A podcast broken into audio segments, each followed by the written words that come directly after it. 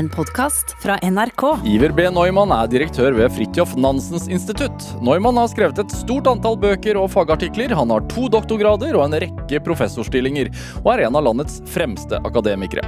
Han uttaler seg hyppig i media om alt fra Russland og Kina til diplomaters rolle og norsk EU-medlemskap.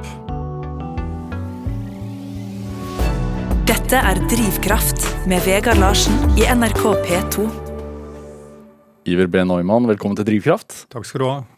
Hvordan har du det? Jo, det har nettopp vært sommerferie, og jeg har greid å komme litt ned. Så jeg har ikke greid å komme opp igjen. Altså, eller jeg har greid å komme opp igjen, men, av sengen iallfall. Men jeg har ikke greid å komme opp i eh, et turtall som er sånn at jeg blir sliten av det. Hvilket turtall ligger du vanligvis på? Nei, jeg har bare to gir. Det er enten helt av eller helt på.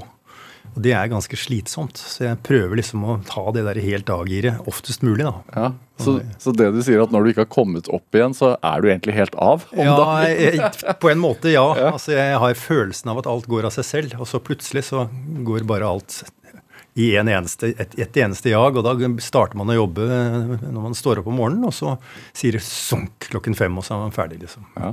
Du er, du er som, jeg, som, jeg, nevnte innledningsvis her, direktør for, eh, altså ved Fridtjof Nansens institutt. Bare sånn kort, hva, hva er det dere driver med?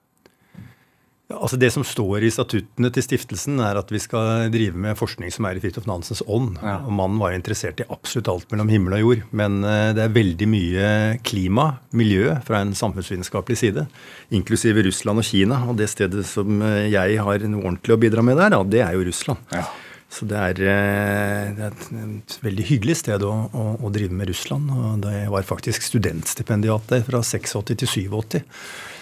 Det begynner å bli en stund siden. Ja. Men, uh, så det er liksom forskning på temaer knytta til miljø, ressursforvaltning, energi, med vekt på Russland og, og, Kina og EU. Ja, og Norge, da, ikke Norge, minst. Ja, ja. Så, så, det er, det er mye, mye, å gjøre om dagen. Dere er ikke helt uvesentlige om dagen? Nei, altså det kunne i grunnen ikke ha vært noe særlig bedre. Er det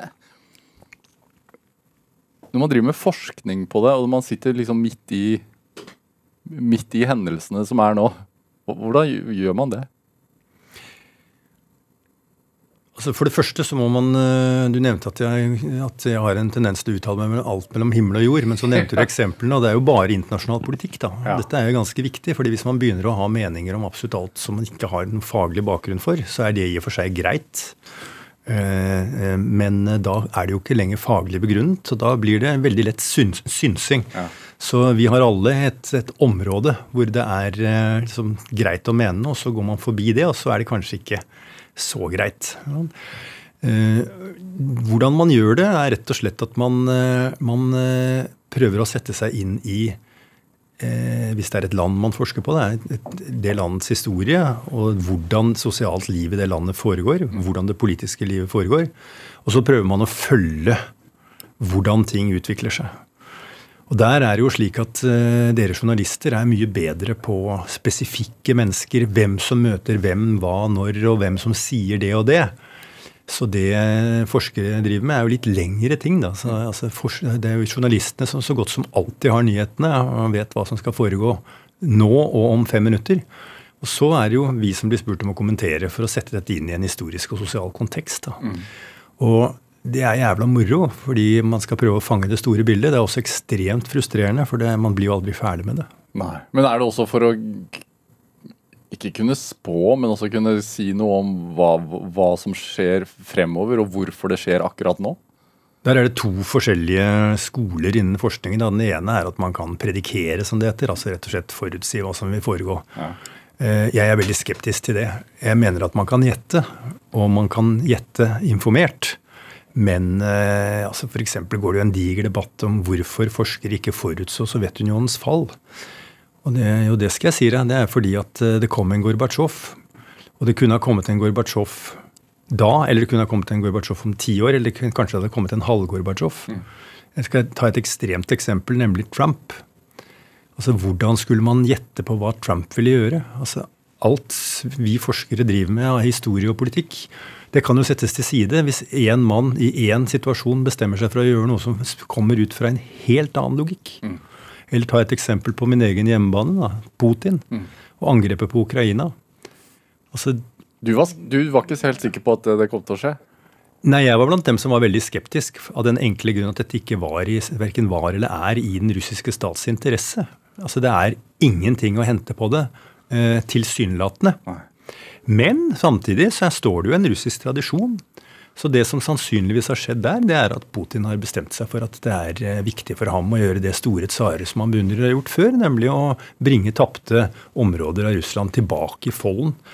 Og eh, Da ser man jo bort fra alle de problemene som en forsker kan peke på og si at det og det og det og det og det blir veldig vanskelig.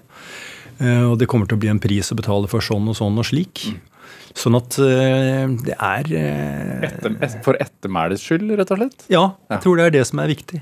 Og det kan virke teit at forskere ikke klarer det, men det er ikke verre enn at veldig mange mennesker heier på sportslag. Man har sitt fotballag eller hva det nå kan være. Man vet alt om spillerne. Man vet alt om treneren, man vet mye om motstanderne. Man vet om hjemmebanen, man vet om hvor, hva slags form folk er i. Og så sier man at 'dette vinner vi', og så taper man 3-0. Og det er litt sånn, altså. Ja. Men, men hvis, man, hvis, man, skal tolke det dit hen at, at det er kanskje litt pga. ettermælet, og at, at, Putin har egne interesser for, for dette her Vil han da gi seg før han har fått det som han vil? Det er jo problemet.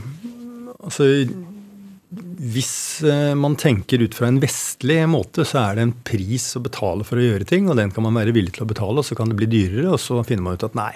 Det blir for dyrt. Det er ikke verdt det. ja. Altså, Man vil dra til det og det stedet med sin ektefelle, og så eh, vil ikke ektefellen. Og så man, og setter man på litt press, og så er, vil hun fortsatt ikke. Og så tenker man ålreit, dette er ikke verdt det, det blir ikke hyggelig. Putin tenker tydeligvis ikke sånn. da, altså Han bare kjører på. Og jeg var jo blant dem for noen måneder siden som mente at det var veldig viktig å ikke ydmyke Putin. Passe på at han hadde det amerikanerne kaller en off-ramp, altså et sted å kjøre av den veien han hadde slått inn på. Mm. Men eh, nå er det jo klart at han kommer til å kjøre dette løpet, og da er det bare én ting som gjelder, og det er å stoppe ham. Tror du altså Har den viljen til å stoppe han avtatt litt i løpet av de seks siste, siste, seks månedene? Jeg er imponert over hvor lite den har avtatt. Altså Det er selvfølgelig, som alle koalisjoner, så har den koalisjonen, altså Nato, som står mot eh, Putin nå, utfordringer. Mm. Altså Det er ett medlem som er, eh, rett og slett ikke er til å stole på, og det er Ungarn. Og så har du altså tradisjonelle eh, venner av Russland som Bulgaria. Eh, så har du altså folk som leflet voldsomt med Putin på den europeiske høyresiden, altså populistene. Særlig i Italia, men ikke bare i Italia. Så langt har det gått greit, altså. Mm. Og det er klart at når man lager en sånn allianse, så skal man pøse på med penger, og det er politiske omkostninger. Og som det heter i Game of Thrones, 'winter is coming'. Altså, det, blir ikke, det blir ikke noe varm vinter i, i, eh, Europa i år. Og det kan jo være godt at vi blir minnet på at det faktisk koster med grønt skifte. Men, eh, men det blir tøft, og det er klart at noen vil si kan vi ikke bare slutte fred med Putin? La han få det han får. Selge ukrainerne til, eh, til, til russerne. Altså, den figuren som da sikkert kommer, er at de er jo egentlig russere. ikke sant? Ja. Vel, de oppfører ikke seg selv som russere da.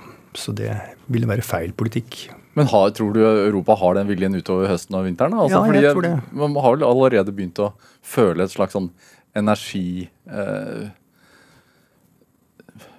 Man klager mye på energi for tiden, ja. og det er august. Absolutt. Ja da. Og vedprisen er superhøy, ja. så folk følger med her. Ja. Altså, jeg driver og hugger ved sjøl, jeg. Jeg, jeg. jeg, har et et stort hus å fyre. Et trehus. Et laftet tømmerhus, faktisk. Så det skal en del ved til. Så vi driver og stabler ved for å være på den sikre siden. Og jeg er veldig glad for at vi ikke lagt inn sånn der geovarme. Men jeg tror det der holder, og jeg er superimponert over interessen for dette. Så da Ukraina ble angrepet, så var det uklart for meg om, om nordmenn flest visste nøyaktig hvor Ukraina lå. Og så viste det seg at dette engasjerte. Dette ville man støtte, dette ville man være med på. Og jeg har jo til og med fått en god del mail, ikke nå lenger, men altså da det begynte med folk som mente jeg var altfor tilbakeholden i min støtte til Ukraina. og Da måtte jeg ta meg sammen og begynne å lese opp og sånt noe. Hvorfor engasjerte det, tror du? Ja, Det tror jeg rett og slett er fordi eh, sannsynligvis en del gamle mennesker på min egen alder som husker den kalde krigen og hadde en mistanke om at dette ville komme tilbake, og nå får det bekreftet. Men også unge mennesker som kjenner Øst-Europa og Sentral-Europa fra innsiden som har reist og fått venner der og, og har et forhold til hva som skjer. For det er jo helt utrolig. Altså Det er fint med et langt perspektiv. Jeg var mye i Polen på begynnelsen av 80-tallet. fordi da var det der det skjedde i forholdet mellom Sovjetunionen og Europa. Og da var det ganske grå greier. altså. Det var grått som bare det. Eh, nå var jeg akkurat nede i en av mine døtres eh, eh, avslutning av et medisinerstudium i Krakow. Byen er full av liv og lys og uterestauranter og farver og Nei, det var jo så strålende. Og jeg har vært der litt innimellom også. Det har bare gått opp, opp, opp, opp. opp. Så de, Polen har sine politiske utfordringer også, men la oss huske det sosiale. Her går det fremover. Ja. Hva sier det da? Nei, det sier meg at det nytter. Altså, av og til så tenker man at uh, demokrati og kapitalisme er noe bæsj. At uh, det kan ikke løse miljøkrisen, og det er så fælt, og vi må stå samlet uh, under en mer autoritær ledelse for å få dette til, osv. Jeg tror ikke det er riktig. Hvis man tenker litt lengre, så tenker man litt lengre sikt, så er demokratiet en aldeles utmerket oppfinnelse. Ja. Hvor, hva er tilstanden til demokrati i verden, da? Nei, det går nedover. Ja. Altså, det aller verste der er jo India får altfor lite oppmerksomhet i norsk presse. Vi snakker altså noe sånt som ja, er det 1,3 milliarder mennesker. Altså. Og vil i forhold til fødselstall bli altså, Enten er det verdens Kina. allerede største, eller så er det bare et spørsmål om noen få år. Det er litt uklart, fordi altså Nest siste gang Kina hadde folketelling, så fant de jo noen hundre millioner ekstra. liksom. Så det er, det er ikke helt klart hva som er hva der, men det er iallfall kjempesvært. Mm. Og eh, Modi, altså lederen eh, for, eh, for, India nå, er jo, eh, han er jo en gammel hardliner og er ikke god å ha med å gjøre. og Legitimerer mye vold mot muslimer, og det er ikke noe særlig pent, det hele. Så der kommer det en demokratisk backlash, og vi ser det andre steder også. Så eh, da tenker jeg at det går opp og ned.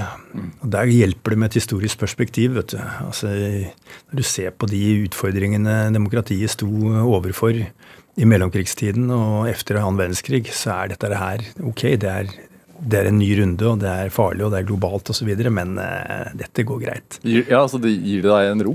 Ja, det gir meg en veldig ro på akkurat det. Og det, altså, den aller mest ro var jo jeg vet ikke om du husker Syria-krisen, altså snakk om flyktningkrise, at det kom så forferdelig mange flyktninger til Norge osv. Herregud, det var jo bare peanøtter. Altså Etter annen verdenskrig så var det millioner på millioner av internt fordrevne rundt omkring i Europa. Og flyktninger. Og det gikk greit, det også. Er det Vi snakker om kald krig, og at uh, man har opplevd det før. Men det, mitt inntrykk da var jo at det var en uh, opprustningskrig. Mens nå er det en energikrig. Det er ikke bare en energikrig, da. Altså, I Ukraina er det ikke bare energikrig. Eh, når man tok eh, Krim Ok, det er noe olje utenfor der, men det var jo ikke først og fremst pga. energi. Men jeg er enig med deg at energi er en viktig greie. Men den viktigste forskjellen fra den kalde krigen til nå tror jeg rett og slett er at eh, det vi har å gjøre med med Russland, Ukraina og Europas og USAs involvering, det er en regional krig, først og fremst. Altså den, det er en clash i Europa. Og det er jo helt annerledes enn under den kalde krigen, hvor dette var en global greie. Vi kaller en periode av verdenshistorien for den kalde krigen fordi det var en global greie fra 49 til, eh, til 91. Og nå er det, altså hvis du ser på ja, India, da, hvordan man tenker der om denne krigen, så er dette noe europeerne og russerne driver med. Ja. Tror du kineserne også tenker det? Jeg tror de kineserne umulig kan være happy med det de ser nå. Altså er, Kineserne har én alliert, og det er Nord-Korea. Det er den allierte fra helvete. Jeg er ganske sikker på at de av og til ønsker at de ikke hadde hatt noen allierte i det hele tatt. Så de er veldig avhengige av å ha gode samarbeidspartnere, og så har de jo satset mye på Russland, da. Et vennskap uten grenser, som det het da de to statslederne møttes sist. Og så ser de altså at Russland har en ganske dårlig militær kapasitet. Ikke har kontroll over sine nærområder. De er økonomisk svake. Jeg tror de er en skuffelse for Kina nå om dagen. altså. Det betyr selvfølgelig ikke at Kina vil si noe, for det har du ikke noe å tjene på. Men jeg tror nok at kineserne tenker sitt om dette. Hvor dårlig planlagt var det fra Tysklands side å så, bli så avhengig av, av Russland? Det er veldig lett å si nå at det var gærent. da. Ja. Men, det, er deilig, det er litt deilig å være litt etterpåklok? Ja, og det skal man også være. Altså, det er også en viktig del av analysen at man ser på ting i bakspeilet og sier 'aha, åssen gikk dette? Og Det er noe helt annet enn å tenke når man er midt i det. Men Tyskland var en makt som var slått sønder og sammen etter annen verdenskrig. Den lå ordentlig nede. Så Landet var delt i to. Så var det et spørsmål om hvordan skal man håndtere dette. Det tyske sosialdemokratiet la seg på den såkalte Ost-politikk. Altså at man skulle drille små hull i muren. da, Prøve å komme tilbake i en øst-vest-kontakt. Prøve å vinne tilbake tysk enhet osv. Og, så og det klarte man. Man klarte faktisk det. Ostpolitikk var vellykket. Man fikk Øst-Tyskland tilbake i folden, og det gikk fint. Og det er klart at når man har skåret en så enorm utenrikspolitisk seier som å få gjenforent sitt land ut fra en så vanskelig situasjon etter så mange år, så fortsetter man med ostpolitikk. Mm. Sånn at også Angela Merkel, som jo var fra CDU, altså den konservative siden, og ikke var sosialdemokrat, fortsatte den ostpolitikken. Og det er, nå ser vi at det var ønsketenkning, at eh, det ikke gikk. Men hovedtanken om at man kan binde folk til seg ved å gjøre, gjøre dem mer avhengig av, av, seg, og at man selv også blir avhengig av dem, det er jo en god tanke. Men det forutsetter jo som all dans at begge parter vil danse. Og Putin vil ikke danse den dansen. Han vil heller gi dansepartneren en på tygga. Og det er klart, da er gamet slutt. IVB Uh, Neumann, dette er jo, eh, alt dette her går inn i ditt interessefelt. Når, noen spør deg altså sånn Off the record, holdt jeg på å si. Sånn, hvordan kommer dette til å gå? Hva sier du da? Jeg prøver Dette har faktisk vært en greie i mitt liv. Jeg prøver å ha minst mulig backstage, som det heter når det gjelder dette. Altså, er man politiker, så må man ha en enorm avstand mellom det man sier offentlig, og det man sier til, eh, til venner og, og, og, godt kjente. Eh, jeg syns det er et poeng når man lever og analyserer, at det skal være et offentlig gode, som man sier mest mulig. Så jeg sier omtrent det jeg sier til deg nå, ja, at Russland kommer ikke til å få det de vil i Ukraina. De kommer ikke til å få regimeskifte, og de kommer ikke til å få så mye territorium som de vil. Ukraina kommer ikke til å klare å demme opp for Russland sånn som de vil. De kommer ikke til å klare å ta tilbake Krim. Jeg tror det kan bli vanskelig for dem å ta tilbake Donbass. Kanskje de greier å, å unngå at det blir en landkorridor fra Donbass til Krim langs uh, kysten av Svartehavet. Men uansett så betyr det at begge parter ikke får det som de vil. Ingen har tenkt å gi seg. Det betyr at vi får en lavintensitetskonflikt. Altså at vi får en småkrig da, du vil, i årevis fremover. Ingen fredsavtale og masse faen. Ja. Og Det som er så forferdelig ille med det, det er jo at eh, vi får en konfrontasjon mellom Russland og på den ene siden Ukraina og Nato på den andre, hvor det ikke er noe buffer. Vi står pang rett overfor hverandre. Russland og Ukraina blir hotspoten, men hele veien langs fra Svartehavet opp til norske russlandsgrensen, så vil det være en direkte konfrontasjon med Sverige og Finland i Nato. Og dette, for å sitere den, eh, den finske presidenten Ninistø, dette har Putin seg selv å takke for. Dette er Drivkraft med Vegard Larsen i NRK P2. Og i dag er direktør ved Fridtjof Nansens institutt, Iver B. Neumann, her hos meg i Drivkraft med NRK P2. Dette med Russland. Hvorfor, når var det det ble interessant for deg? Ah, det skal jeg fortelle. Eh, jeg hadde to interesser da jeg gikk på skolen. Eh, altså to boklige interesser. Ja, og, og, og hvilke, det, hvilke, trinn snakker vi da? Ja, nei, Nå snakker vi ungdomsskolen eh, altså det var tidlig. Vi snakker begynnelsen av 70-tallet. Og det var litteratur og politikk. Og på den tiden, da var det jo kald krig. Altså, da var det jo liksom, Politikk i Vesten, det var sånn noenlunde oversiktlig. Og det vi da kalte den tredje verden, det var spennende og eksotisk, men man skjønte at eh, liksom, den økonomiske logikken var at de måtte opp og frem. Men så var det denne andre verden, da. Denne Sovjetunionen. Hva var det de drev med? Hva var det? det var bare eksotisk. Det var annerledes. Annen ideologi, annen historie, annet. Absolutt alt mulig. Så eh, det ble jeg mer og mer interessert i. Jeg husker jeg skrev artsumsk stil om, om Solzjenitsyn. Og så søkte jeg på Forsvarets russiskurs. Mm. Og det ble veldig avgjørende for min uh, utvikling, både personlig og profesjonelt. Hva er det for de som ikke vet det? Nei, Det var altså et toårig kurs som ble laget i 1950. Som, hvor man tok opp en 15-16-17 eh, stykker som skulle inn i førstegangstjeneste hvert annet år. Hang ganske høyt? Eh, vanskelig å komme inn. Og så eh, kjørte man dem først tre måneder i rekruttskole, for det skal alle ha. Hva som måtte til for å komme inn? Eh, Nei, det var gode karakterer og at man var uh, interessert. Så det var, uh, det var uh, vanlig akademisk at man var på hugget, men også at man hadde litt øre for språk og var bredt orientert og sånn. Mm. Ja. Og, og, det fører jo til at man altså man studerer jo russisk språk, men man må også til, til Russland, eller Sovjetunionen, da. Ja, man måtte jo ikke det på den tiden. Eh, så eh, det var 15 måneder med intenst Altså, det var tøft, altså. Å lære et språk på den måten. Jobbet jo, det var ikke noe snakk om å fri på lørdag der, nei. Det var full fart. Og militært eh, med prøve hver uke og lære utenat, og det var heftig. Men det var en fantastisk opplevelse. Man lærte språket, og man fikk jo venner for livet. Jeg skal faktisk på en årlig hyttetur eh, med gutta fra den gangen nå i helgen. Ja. Så da er det to dager med snakk om Russland og drikking. Strålende kombinasjon. Ja, ja. Det, blir man bedre i russisk eh, jo lenger ned i flaska man kommer? man blir jo bedre i tysk når man, eh, når man, drikker, men nei, man skal holde tunga litt rett i munnen. Problemet der er at hvis man skal få til noe i Russland, så skal det jo alltid drikkes. Ja. Altså Man kan ikke lage en avtale om noe. Spør en hvilken som helst forretningsperson som har vært der borte. Man kan ikke lage en avtale om noe uten å ha vært fullstendig ned i flaska.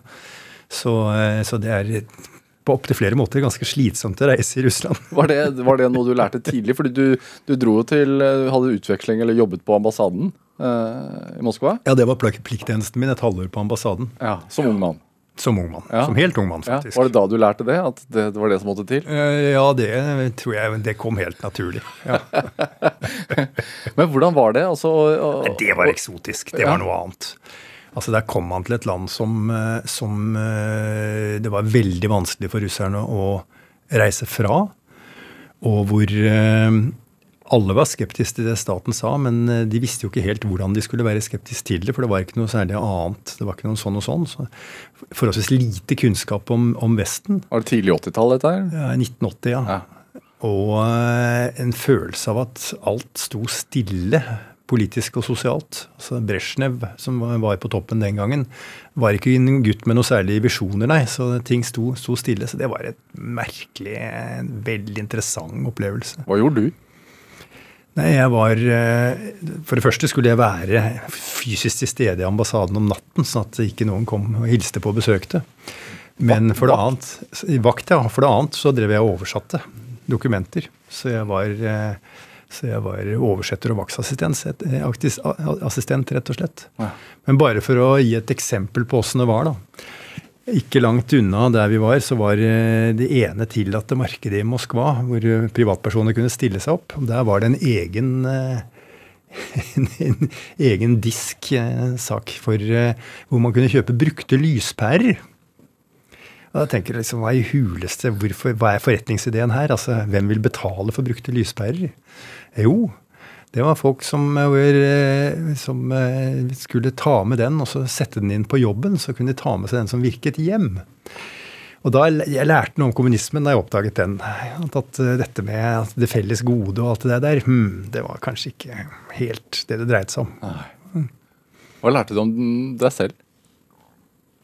Nei, jeg lærte at jeg er glad, glad i å, å hygge meg. Det, jo, det, var, det, visste jeg jo allerede, men jeg lærte at jo hardere man jobber, jo mer må man feste for å klare seg. Det er en viktig lærdom å ta vare på. Hvorfor, hvorfor er det sånn? Nei, jeg tror det, altså, Der er jo folk forskjellige. Men for meg er det iallfall sånn at jo mer seriøst arbeid jeg gjør, jo viktigere blir det også å slå ut håret. Ellers så, så blir, det, blir, livet et fengsel, altså. Ja. Du har sagt en gang eh, til intervjuet at uh, nordmenn må, det er viktig at man gjør mer enn å kose seg og spise vafler.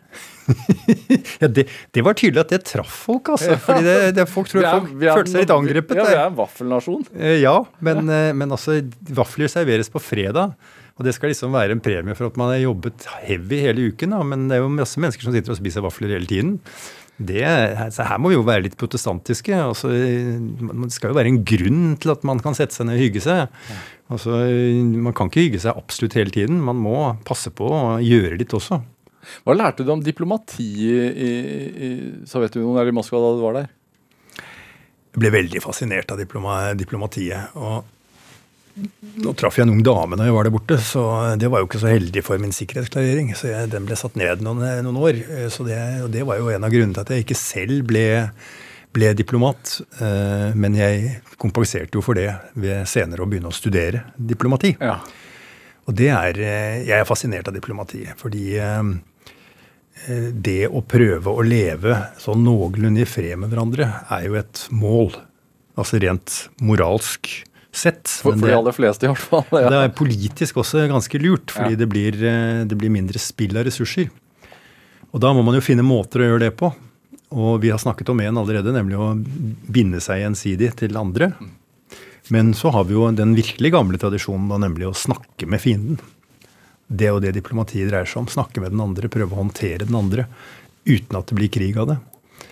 Uh, og det er en ekstremt uh, subtil altså Den er en, en en, en finstilt kunst som veldig få skjønner noe av.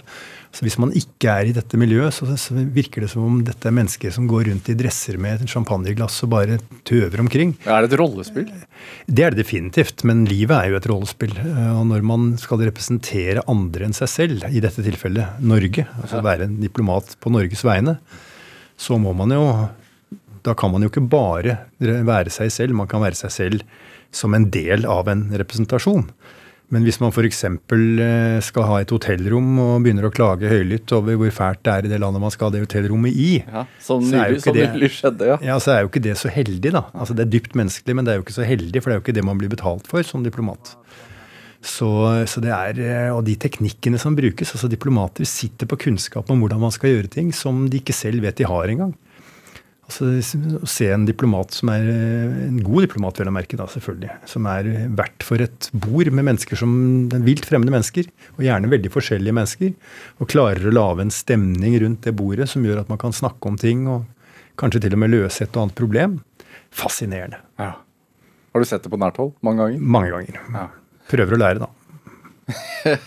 Hvordan er du når du er vert? Jeg er en god vert. Ja. Det skyldes rett og slett at jeg er vokst opp med altså Den viktigste måten å lære på er jo at man observerer fra ung alder hvordan ting gjøres. Og jeg vokste opp uh, i et hushold hvor det var mye selskaper. Uh, og det er jo i siste instans veldig enkelt. Det er å legge smørskjea til, passe på at det er nok god mat og mer enn nok godt drikke. Og så at uh, man ser sine gjester. Ikke stå på kjøkkenet eller sånn og sånn og sånn. Så blir det jo hyggelig. Hva gjorde moren og faren din? Far var eh, eh, prestesønn og professor i geologi, og min mor var eh, tannlege. Og Det var eh, interessant, fordi jeg vokste opp på Røa. og Grunnen til det var at eh, far jo gjerne, som prestesønn gjerne ville bo i Ytre Enebakk på et småbruk. Mens mor gjerne ville bo på Frogner. Så, var, så det var kompromisset? Det var kompromisset, ja. At det skulle være i kanten av byen. Og i 1959, da jeg ble født, så var kanten av byen det var Røa, det. Så jeg vokste opp i kanten av et jorde. Hvor det ble slått, og alt var veldig landsens. Helt til det plutselig en dag ble bygget fullstendig ned. Det var Lysejordet, som nå er tjåka fullt av Obos-leiligheter. Ja. Ja. Hva syns de om det? Nei, det, byen vokser. Sånn er det. Ja, ja. Men altså. tilbake til diplomatiet. altså Kan man merke forskjell på hvordan en, en uh, russisk diplomat uh, oppfører seg, hvordan en norsk diplomat oppfører seg? Uh, i, ja, uh, det kan man. Det er distinkte stiler. og altså, Det er jo noe av vitsen at diplomatene også skal gestalte, altså være, være kroppsliggjøre sin, sin, nasjon. Altså maktforholdet, rett og slett? Nei, de skal, være, de skal stå i en tradisjon. de skal være, altså Du skal kunne kjenne igjen en norsk diplomat. Hvordan ser en norsk diplomat ut? sånn rent? En norsk diplomat er gjerne ganske åpen. Altså jeg husker jeg spurte en britisk diplomat om hva som kjennetegnet en norsk diplomat. Så sa hun at jo, det kan jeg si deg. Det er at hvis man spør hva den, den hemmelige agendaen hans er, så kommer han til å si det. det er ikke helt sant. Men, men, det er et åpen stil, og det er en uformell stil. Ja. Mens med en kinesisk diplomat er det noe helt annet. Da er det liksom ganske mer formelt og sånn og sånn. og sånn. Men i tillegg til å skulle gestalte sin egen nasjonale tradisjon, så skal jo disse menneskene ha en felleskultur. Hvor man vet hva som kan sies, hva som ikke kan sies, hvilken rekkefølge ting skal tas opp i osv. osv. Altså den diplomatiske kulturen? Så Det har en tredje kultur seg imellom som man skal sosialiseres inn i. Og hvem er russeren ved bordet? Russerne er tradisjonelt flinke diplomater. så er det altså selvfølgelig skuffelser. da, altså Lavrov, som har vært eh, russisk utenriksminister i et par tiår, respektert av sine kolleger. Og så fra februar av så har han jo gått fullstendig av skaftet. Han fikk ikke være med i krigsrådet til Putin og er blitt marginalisert. Altså, det er ikke akkurat diplomati som står i høysetet i Russland om dagen. Det er efterretningstjenester som har vært det viktigste. Putin selv kommer jo derfra, og det er militærmakt.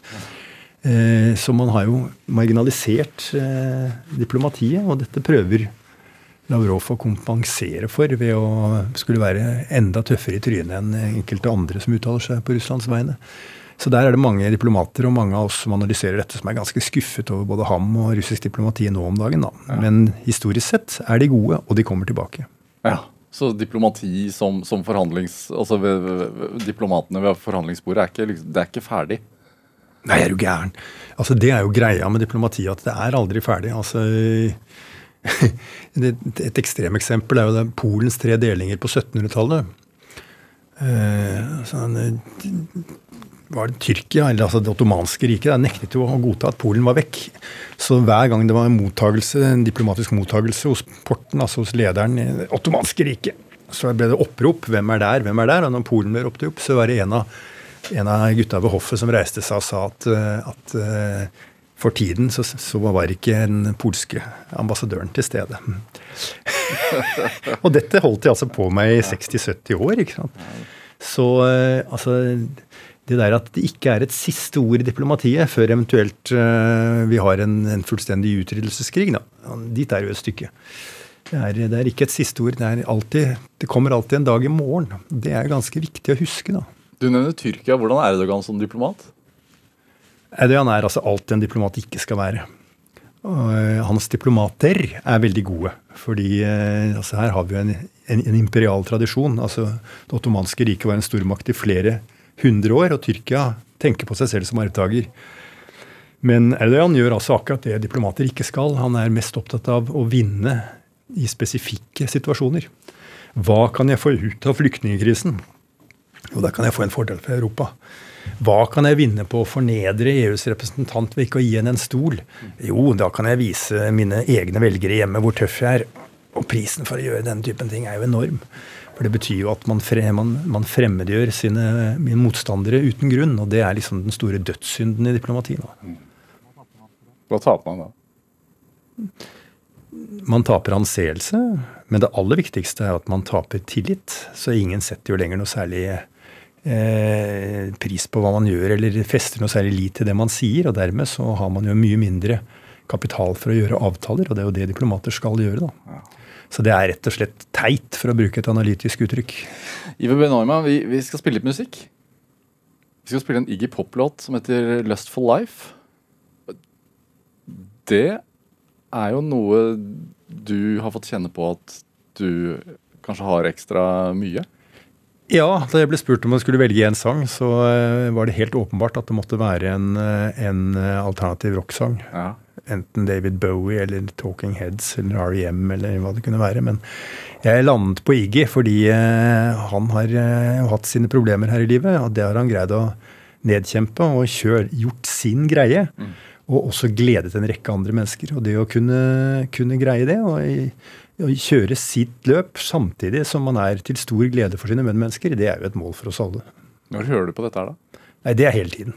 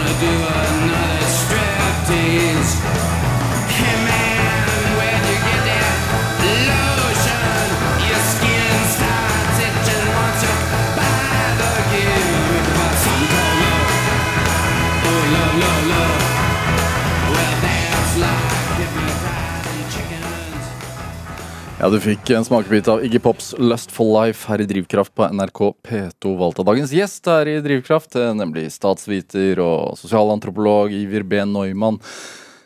'Lustful Life' Du var ganske nær ved å dø. Ja, jeg har faktisk eh, hatt to sånne ja, jeg, altså Jeg har hatt noen sånne sportsgreier, og sånt, men altså to sånne sykdomsopplevelser som har vært ganske interessante. Altså Den første var at eh, nyrene mine bare ikke gadd mer. Jeg jobbet som portør på Radiumhospitalet for å tjene noe penger til en interrail i første gym. Og der fikk jeg noe eh, sånne gulestaflige kokker som satt og spiste opp nyrene mine i 30 år. Så da de gikk dukken, så satt jeg et år og ventet på å få en ny nyre. Hvordan er det? Nei, det er ikke noe fikst, altså. Det er, altså. Verden blir veldig grå, og man orker nesten ingenting. Jeg tok meg faen på at jeg skulle jobbe en time hver dag for å i hvert fall ha følelsen at jeg gjorde noe. Og da tok det et par timer å komme seg etterpå. Så nå vet jeg hvordan det blir å bli virkelig gammel, og det er ikke noe å stå efter, altså. Så det var, eh, det var tøft, eh, men desto hyggeligere da jeg fikk nyren. Men eh, så fikk jeg en pankeratitt for noen år siden. Hva er det? Pankreas er bukspyttkjertelen. Den spytter jo da for å fordøye mat, og så eksploderte den. og Der fortsetter den å spytte, og da spytter den enzymer på de andre innvollene dine, så den spiser deg opp innvendig. Så det var jo ganske heftig, så jeg ble liggende tre og en halv måned på Rikshospitalet. Og eh, matchvekten er 78 kilo. Da jeg kom ut derfra, veide jeg 62 kilo. Det var tøft, altså.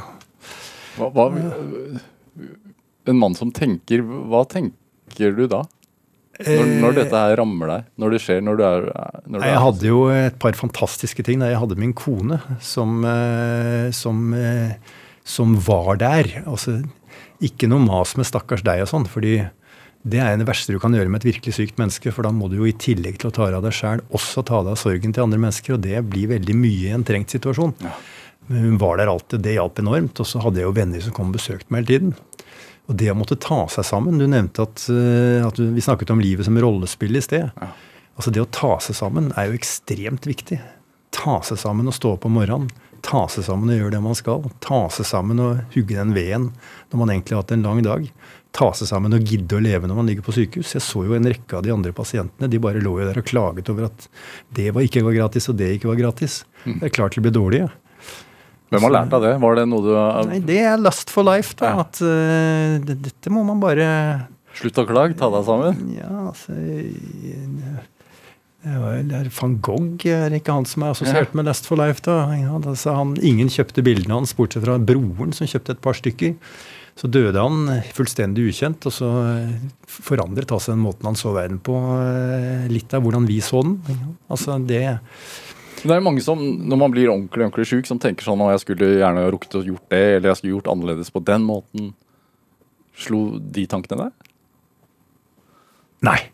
Eh, altså, dette har jeg tenkt en del på som ung mann. Altså, Boccaccio skrev jo Decameronen om folk i Firenze da, da, da pesten kom. Og beskriver hvordan det var tre måter å reagere på. Den ene var å kaste seg ut i hemningsløse orgier og, og holde på. Og det andre var å begynne å piske seg sjæl. Selv, selvflagellering. Og be og faste og ja, sånn spege sitt kjød. Og den tredje måten var å fortsette som før. For meg så har det alltid vært et poeng at hvis jeg skulle ha lyst til å kaste meg ut i orger eller, eller drive med selvpisking, ja, så ville jeg gjort det, da. Det er et, et livsmål å gjøre det man faktisk har lyst til. Å realisere denne last for life. Sånn at eh, jeg prøvde å gjøre nøyaktig det jeg pleide å gjøre. jeg. Fortsette som før. Hvorfor er det altså, Da du skulle hit, så, så Jeg pleier å gå gjennom CV-en til gjestene mine. eh, bare for å vite hvem de er. Og, og din CV eh, 36 sider lang eh, var den. Sorry. Så, så eh, Hvorfor har det vært så viktig? Og, og, og. det er to grunner til det. da. Ja. Altså det, altså grunnen til at den er så lang, er jo alle disse artiklene og kommentarene og sånt nå. Eh, og alle bøkene. Ja, og det er jo også rett og slett fordi eh, altså døgnets timer skal fylles, og hvis man er litt smånevrotisk, eller mer enn litt smånevrotisk, som, eh, er, som er min sak, så er det å sitte uvirksom, det er, det er drepen. Da eh, må det drikkes eller festes eller et eller annet, altså, så man må jo fylle timene. Og eh, da blir det, i mitt tilfelle, så er jeg snekrer jo ikke, jeg klipper ikke hår, jeg, eh, jeg pløyer ikke. Jeg skriver tekst, så jeg leser eh, bøker og intervjuer folk og observerer hva de gjør, og så skriver jeg noe nye. Det er det jeg driver med. Da blir det mye tekst, da. Men det er, er det en uro? Ja. Hvorfor, hvor kommer den fra? Ja, det har jeg tenkt en del på. Jeg tror eh, grunngreia var at eh, da jeg var tre år gammel, så hadde jeg en barnepike. Mor jobbet jo som tannlege, så jeg var den eneste gutten i klassen eh, på Huseby skole som hadde en eh, mor som ikke var hjemmeværende. Av gutta, vil jeg merke. Eh, og da hadde jeg en barnepike som brukte meg som sexleketøy. Og det har nok formet meg ekstremt mye, fordi eh, jeg ble, for å si det eh, i dagens lingo, tråkket på. Og opplevde at min subjektivitet, altså min, eh, min verne i verden, eh, mitt jeg, ble tråkket ned i sølen. Og livet har nok på mange måter vært en kamp for å, for å, for å holde det sammen, ja. Altså kompensere for det og, og vise at eh, jeg er her, jeg lar meg ikke knekke. Det har nok vært en ganske viktig drivkraft, ja. Også utsatt for seksuelt misbruk, rett og slett? Ja, rett og slett. Når var det du begynte å prate om det? Nei, det var fordi eh, altså, da jeg traff min nåværende kone for 18 år siden, så, eh, så var jo det en enorm krise. Vi var begge gift på hver vår kant, hadde barn. altså Skilsmisser er jo ikke gøy. Ja. Og da kom jo en masse saker og ting opp, og da ble, dette, da ble det veldig viktig for meg å gå i runder med dette og, og få det på plass. Og, og, og en av måtene å gjøre det på, er å snakke om det, da. Ja, for du hadde holdt det hemmelig? For, Ja, det hadde vært delvis hemmelig for meg selv også. Altså, Jeg hadde liksom ikke kjent noe særlig på det. Jeg hadde jo alltid visst at det var et og annet, men jeg undersøkte og fant ut nøyaktig hva som foregikk, hadde foregått. da. Og øh, altså, Det er jo det som er greia med psykoanalysen. altså De kaller det jo altså, samtalekuren. Altså, at, at det å snakke ved det Da kommer trollene frem i dagslys, og så ja, Det sies at de sprekker, men altså, de forblir jo der. Men de blir veldig mye lettere å håndtere. Så for meg var det å begynne å snakke litt om det, først med nære venner, og deretter eh, eh, av og til i offentligheten, en veldig frigjørende ting. Det er... eh, opplevd at jeg fikk skal vi si objektivert det, altså gjort det til en ting heller enn til noe, noe som gjorde var inn, inn, innabords gjorde vondt, så fikk jeg det ut og kunne forholde meg mer til det som noe som ikke var meg, men som var noe som skjedde med meg. ja. Så man får mer igjen når man snakker om det, enn når man legger lokk på det, rett og slett. Det er jo en veldig unorsk ting å gjøre, da. Altså, nordmenn skal jo helst ikke snakke om ditt og snakke om datt. Da blir det jo drittkjedelig. Altså For å komme videre, både med seg selv og med andre, så må man jo Ting må jo på bordet. Altså Når ting kommer for en dag, heter det. Og det gjør det jo før eller senere. Så hvorfor ikke før? Hvordan, Det er som med diplomatiet. det, altså Man eh, sier at man ikke vil snakke med sine fiender, men før eller senere blir man jo gjerne nødt til det. da, Så hvorfor ikke begynne med det samme? hvordan prega det deg i barndommen? Jeg var helt vill. Altså, det var, jeg, jeg, jeg hadde en student eh, Dette er mange år siden. Så kom hun fnisende til en, en veiledning. Da, og så viste det seg at hun tanten hennes hadde hatt meg i selskap som, eh, i første klasse da jeg var seks år gammel. Da hadde jeg bukket og tatt henne i hånden og sagt 'unnskyld, fru, er det lov å røyke hasj her'? et, et friskt barn holder jo ikke på sånn, så det er jo klart at eh, det må ha vært ganske vill i nikkersen, ja, De, som barn. Men, men samtidig en, en stor evne og vilje til å konsentrere deg og lære, da. Ja, men det er her denne Lust for life kommer inn. da, At man må jo ta det som skjer med en, og så må man prøve å kanalisere det. Ja. Eh, altså, Det er jo, det, Som ung så er jo det, det er jo lettere sagt enn gjort, si. ikke sant? Altså, Jeg vet ikke om du har vært borti en forfatter som heter Edward St. Aubin. Eh, En jævla kresen uh, britisk uh, stilist. Han har skrevet uh, Peter, Peter Melrose novels. Fem sånne små bøker på en 108-200 sider. Han ble opp, altså Det jeg opplevde, var jo bare peanøtter i forhold til det han ble, opplevde. For det var moren og faren som holdt på med ham. da. Og Bøkene dreier seg om, de er selvbiografiske og dreier seg om hvordan han kom ut av det. Det er fantastisk litteratur. Og der er jo et av bindene er jo altså bare at han roter rundt i narkotika og saker og ting. Og øh, jeg slapp jo billig i forhold til ham, da. Så Du har søkt til litteratur f.eks. For, eksempel, for å få en slags medisin? litteratur har hjulpet. Og så eh, Altså, det er jo ikke tilfeldig at jeg velger Rigi. Altså, jeg var jo der da punken kom. Og det var jo frigjørende greier, fordi eh, altså, det, var, det var trøkk, og det var superenkelt. Det var sånn helt basic. Hele vitsen var at det skulle være enkelt, og at man skulle kunne gjøre det sjæl. Ja. Og den, eh, det, det å, å ha et uttrykk hvor poenget er å ikke være flinkest, men å fange et eller annet, en eller annen livsrytme, det var viktig. Fordi alt det andre jeg driver med, er ganske avanserte greier. Så akkurat på musikkfronten Det er ikke det at jeg ikke hører på mer avansert musikk også. Altså jazz og en god del klassisk, faktisk. Men, eh, men, eh, men jeg er veldig glad i den helt, helt enkle. Bare ta rytme, altså få et trøkk. Så når jeg jobber, for eksempel, så er det svært ofte at jeg har på helt enkel soulmusikk eller, eller punkmusikk for å lise ut en del av huet som kan høre på det. Sånn at jeg orker å jobbe med alt rutinearbeidet. For det er jo, uansett hvor interessant jobb man har, så er det jo en god del dilldall som skal gjøres. Hvordan er det oppi hodet ditt når det er stillhet? Nei, det, det, det vil du ikke vite. Men sånn Det at du har blitt en akademiker av rang, altså masse professortitler og, og to doktorgrader, og er det Kom det lett til deg, eller er det flittighet i bunnen, eller Nei, det kom lett eh, fordi eh, Altså, det å lære russisk f.eks. var helt forferdelig tungt for meg. Van vanskelig. Og jeg har et ekstremt problem med å lære utenat. Men jeg er ganske god til å knytte sammen forskjellige ting. Da oppstår det nye. Altså forskjellige ting kombinert. eh, Entreprenørvirksomhet, rett og slett, skaper noe nytt. Og det er jo det som er morsomt. da, Få noe nytt inn i verden. Og så skal man prøve å få andre mennesker til å se at dette er nytt. Og det er ikke så lett. Fordi hvis ting er for forskjellige fra det folk er vant til, så ser de dem jo ikke. Altså Trikset, hvis man vil eh, gjøre det enkelt, det er jo bare gjøre det bitte lite grann forskjellig fra det som folk er vant til. Så er det sånn å gid, så spennende. Men hvis det er veldig forskjellig, så blir det vanskelig å forholde seg til. Så det har vært, det har vært greia, da. Og det har vært eh, ja, drivkraften. da. hele veien? Mhm, Ja. Absolutt.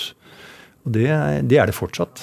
Altså prøve å se på altså I mitt tilfelle er det jo altså feltet internasjonale relasjoner. altså Forholdet mellom politiske enheter, stater.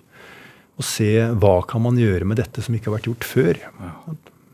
Men kunne det altså demon, man, Når man blir utsatt for et overgrep, så, så ofte så altså Det kan gå begge veier, da. For, for, men du du snakker jo om noen demoner og en sånn urolighet. Absolutt. Eh, Ja, det, det må jo holdes i sjakk på en eller annen måte.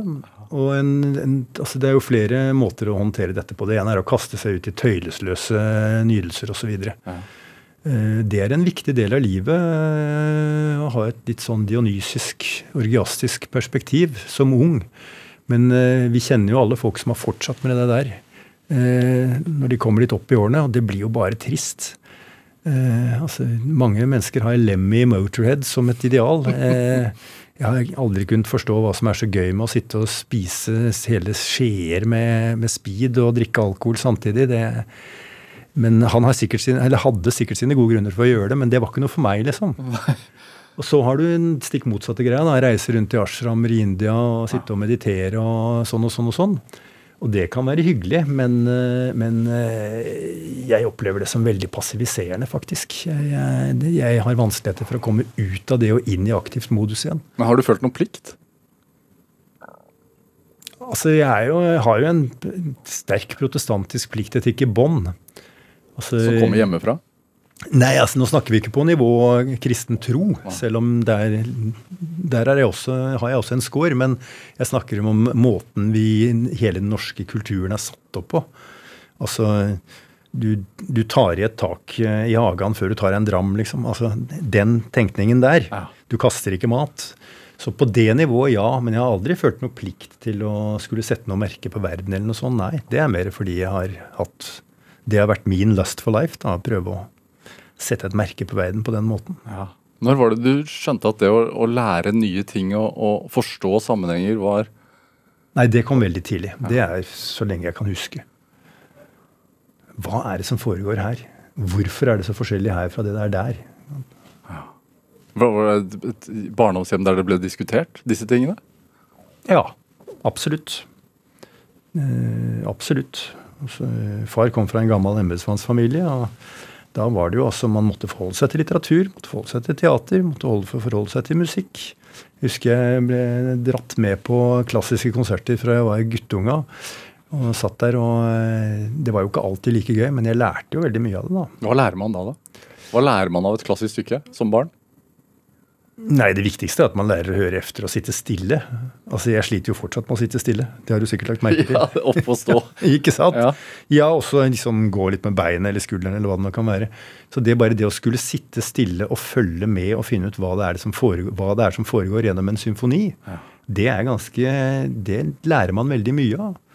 Og så, særlig for et ekstremt urolig barn som meg selv, så var jo det å lære å omgås på den måten man gjør når man er på en klassisk konsert. At man kommer inn, at man sier god dag til sine medmennesker, snakker om det og det, og sier farvel når man går osv. Jævlig viktig, som jeg sier til mine egne barn. altså Hvis du kan si morgen når du kommer, eh, takk når du får noe, og ha det bra når du går, så ligger du allerede godt an. Da har du allerede en ganske god score. Hvordan var det for din når du fortalte om dette? her? For, uh, For barna? Ba, nei, det har jeg vært litt tilbakeholdende med. Jeg, er, eh, jeg har ikke noe lagt noe skjul på det, men jeg ser ikke noe grunn til å belemre dem med det. Altså, eh, Knausgård sier at han i Min kamp at han har ett mål for sin fedrende gjerning, og det er at barna ikke skal være redde for han.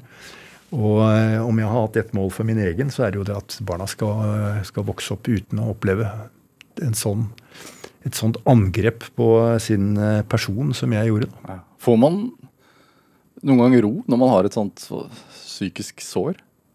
Eh, det må du spørre proff, proffer om. I mitt tilfelle er svaret nei. Nei. Men det må altså omdannes. da. Altså, Man må passe på å bruke dette som en kraft til å gjøre andre ting, istedenfor å sitte og sture eller gå for dypt inn i det. Hva er det som Når er det du merker at dette her trigger interessen min nok til at jeg vil virkelig gå i dybden på det? Ah, det er rent intuitivt. Altså, det er, eh, det er eh, Jeg har faktisk aldri satt meg ned og, og rasjonelt tenkt eh, hva er det jeg bør studere nå som vil være populært om fem år, slik at jeg kan eh, publisere om det eller selge mange bøker. eller sånn. Det ville ødelegge hele, hele gleden for meg. Og det er viktig at ting er gøy. Altså, det skal være hyggelig å leve. Aldri strategisk. Jo, jeg kan være ekstremt strategisk innen de rammene. Altså Når jeg først har valgt noe, så er spørsmålet hvem skal jeg snakke med for å få greie på dette? Hvilke mennesker må jeg ta kontakt med? Hva må jeg lese for å få mest mulig ut av det? Da er jeg ekstremt strategisk. Men akkurat selve, selve Du spurte om selve valget av hvor man skal være kreativ. Ja. Det er, der er det viktig å være null strategisk i det hele tatt. Det er som en forelskelse. Ja, ikke sant? Det er akkurat det samme. Altså at Hvis du begynner å være strategisk i forelskelsen, så har du jo misforstått totalt. Ja. Da er eh, altså, altså det er Nå skal vi ikke bli for tekniske på det samfunnsvitenskapelige, men Max Weber er en av de store gutta i tradisjonen. og Han sier jo at ingen, handling, ingen handling er, er bare drevet av følelser, og ingen handling er bare drevet av ratio. Altså Du gifter deg ikke uten å tenke litt på åssen livet skal bli. rent materielt. Og du gjør ikke en forretningsavtale uten å synes at det er hyggelig å spise middag med den du gjør forretningsavtalen med. liksom. Så vi skal ikke gjøre oss bedre enn vi er her. Når jeg sier null strategisk, så er jo ikke det bokstavelig, sannsynligvis. For det, man vet jo, altså når man ser tilbake på hvorfor man gjør ting, så tenker man jo at å ja, akkurat, ja, ja, det passet jo veldig godt i forhold til det og det. Så man skal ikke sette seg på noe høy hest her. Men sånn som jeg opplever verden, så er det Last for Life som driver valget av temaer. Og temaet mitt nå det er altså Jeg har jobbet mye med Russland, det gjør jeg fortsatt. Så jobbet jeg mye med diplomati, det gjør jeg fortsatt.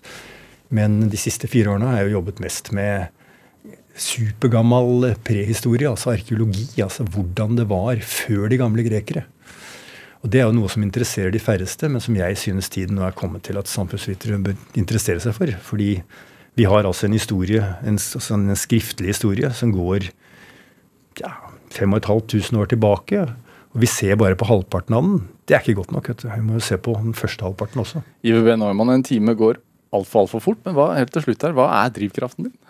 Nei, det er å passe på at, eh, at jeg kan respektere meg selv, og at eh, andre respekterer det jeg driver med. Og det er jo fordi jeg i utgangspunktet prøver å reparere en skade, da. Tusen takk for at du kom hit til Drivkraft. Selv takk. Hør flere samtaler i Drivkraft på nrk.no eller i appen NRK Radio. Send oss gjerne ris og ros og tips til mennesker du mener har drivkraft. Send den e-posten til drivkraft.krøllalfa.nrk.no. Vi hører veldig gjerne fra deg. Produsent i dag var Kjartan Aarsand, og Olav Tessem Widsvang gjorde research til denne sendingen. Dette var Drivkraft. Jeg heter Vegard Larsen. Vi høres. En podkast fra NRK. Hei, jeg heter Kaveh Rashidi og er lege. Har du tenkt over hvor skillet går mellom det å være syk og frisk? Hei, jeg heter Veronica Danielsen og er fysiker. Visste du at det grønne nordlyset kan være et varsel for en stor katastrofe? Hvordan påvirker egentlig alkohol kroppen vår? Jeg heter Alexander Santov og er kjemiker. Podkasten Burde vært pensum hører du først i appen NRK Radio.